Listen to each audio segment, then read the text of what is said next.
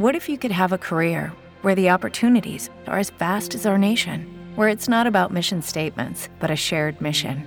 At U.S. Customs and Border Protection, we go beyond to protect more than borders from ship to shore, air to ground, cities to local communities. CBP agents and officers are keeping people safe. Join U.S. Customs and Border Protection and go beyond for something far greater than yourself. Learn more at cbp.gov/careers.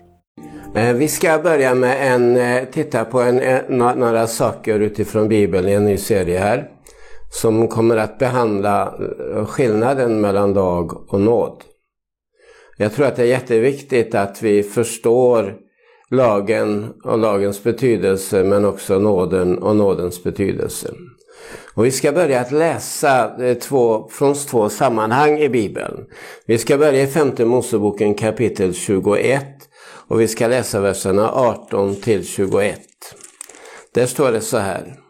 Om någon har en upprorisk och trotsig son som inte lyder sin far eller mor och inte lyssnar på dem trots att de tuktar honom så ska hans föräldrar ta honom, föra honom till de äldste i staden vid stadens port och de ska säga till de äldste i staden, vår son här är upprorisk och trotsig. Han vill inte lyda oss utan frossar och super. Då ska alla män i staden stena honom till döds. Du ska skaffa bort det onda ifrån dig. Hela Israel ska höra det och känna fruktan. Så här har du alltså lagen som, som är väldigt, väldigt sträng. Och, och det står det ju där att, om, om, att när någon upprorisk son är upprorisk och trotsig och inte lyder så skulle de ta, och, och, och, han vill inte bli förändrad genom att vad, vad, de tuktas utan han fortsätter att leva fel. Då, då ska föräldrarna ta honom och då ska de äldste eh, döma honom och så stena honom. Alltså, eh, tack gode Gud för att vi inte lever i den tiden. Utan, eh, men det är många som lever på det sättet att man tror eh, att, att, att eh, när människor gör fel så ska man straffas. Det är vad lagen säger. Och eh, lagen är ju på det sättet att, eh, men, men jag vill också peka på att eh, det finns ett annat sätt att eh, kunna bemöta de här sakerna när någon felar. Och det är därför att vi lever inte, det finns två förbund, det gamla förbundet som är byggt på lagen, på sina i lag och på paragraferna där. Sen har du en annan och det är det nya förbundets lag. Lagen kom genom Mose men nåden och sanningen har kommit genom Kristus, säger Jesus. Och det betyder ju att lagen eh, fanns eh, innan men, men, men nu gäller nåden men också sanningen. Så nåden på inget sätt tar bort sanningen. Men låt oss läsa det andra stället nu i början, till att börja med här då. I Lukas evangelium 15 kapitel från vers 21. Lukas 15 från vers 21. Där säger han så här. Här kommer den förlorade sonen. Och vi vet att han har förslösat allting som han kunde. Hela arvet har gått. Och han blev svinaherde och svinet var ju ett orent djur för en jude. Så han levde i orenhet och han levde i, i säkert i väldigt stark fördömelse. Både över att han, att han var, hade ett arbete som inte var var, ja, var, var, så bra. Men också att han har förslösat hela arvet. Och det, här Bibeln säger att han längtade efter att få äta fröskidorna. Det var ju en sån, precis som vi läste i femte Moseboken 21.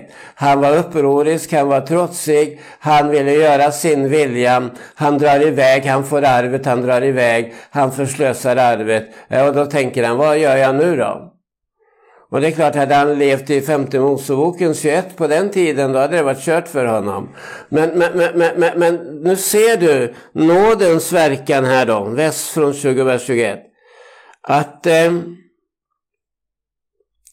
sonen sa till honom, far, han kommer nu hem, han beslutar sig för, och det, det är ju det viktigaste, han tar ett beslut. Eh, att, eh, att han ska ta sig tillbaka till sin fader. Och det är viktigt att du tar det beslutet att du söker dig till Jesus eh, när det har gått fel, när allting har gått sönder, när synden har tagit överhanden, när skulden och skammen håller dig. Sök dig till Herren då. Ja, men det, och det, han, sa ju, han visste ju inte riktigt hur han skulle bli mött. Men, men då läser vi här i vers 21 följande. Sonen sa till pappa, Far, jag har syndat mot himlen och inför dig. Jag är inte längre värd att kallas din son. Men fadern sa till sin tjänare, skynda er, ta fram den finaste dräkten, kläd honom och sätt en ring på hans finger, skor på hans fötter och hämta gödkalven och slakta den.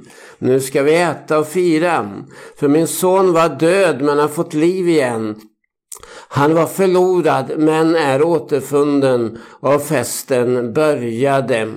Här ser du vilken skillnad på på hur man behandlade under lagens eh, tid eh, männi unga människor som kom ut i ett eh, felaktigt liv. Där eh, fanns det ingen pardon utan det var bara stena, dem, stena ihjäl dem.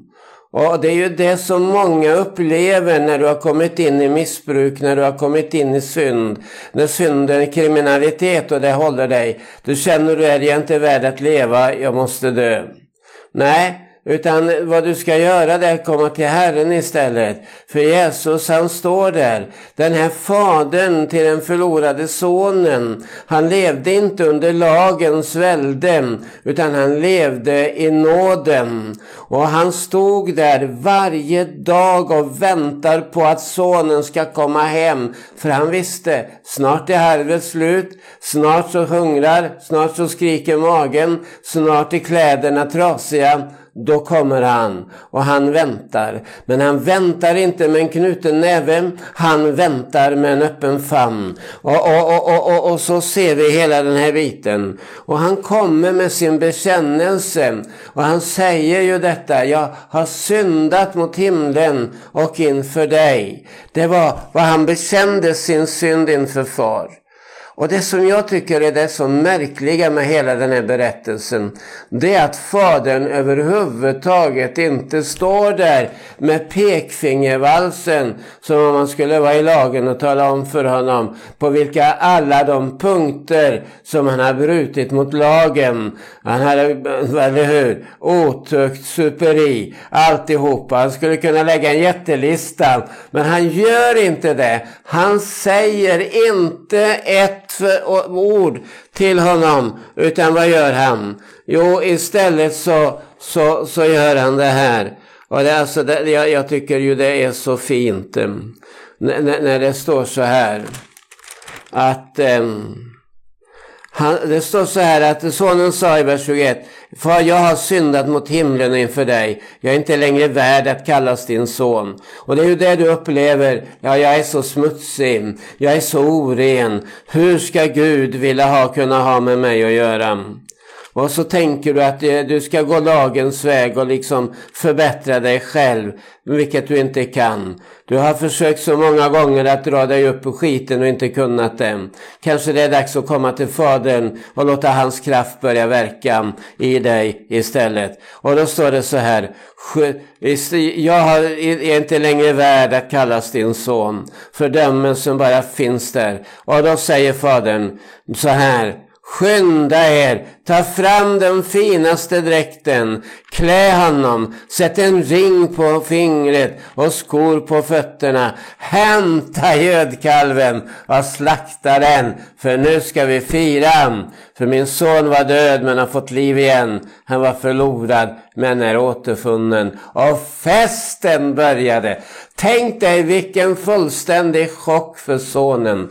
Han kanske hade tänkt eh, i lagens eh, krav att jag, eh, de kommer att döda mig, åtminstone avvisa mig. Ja.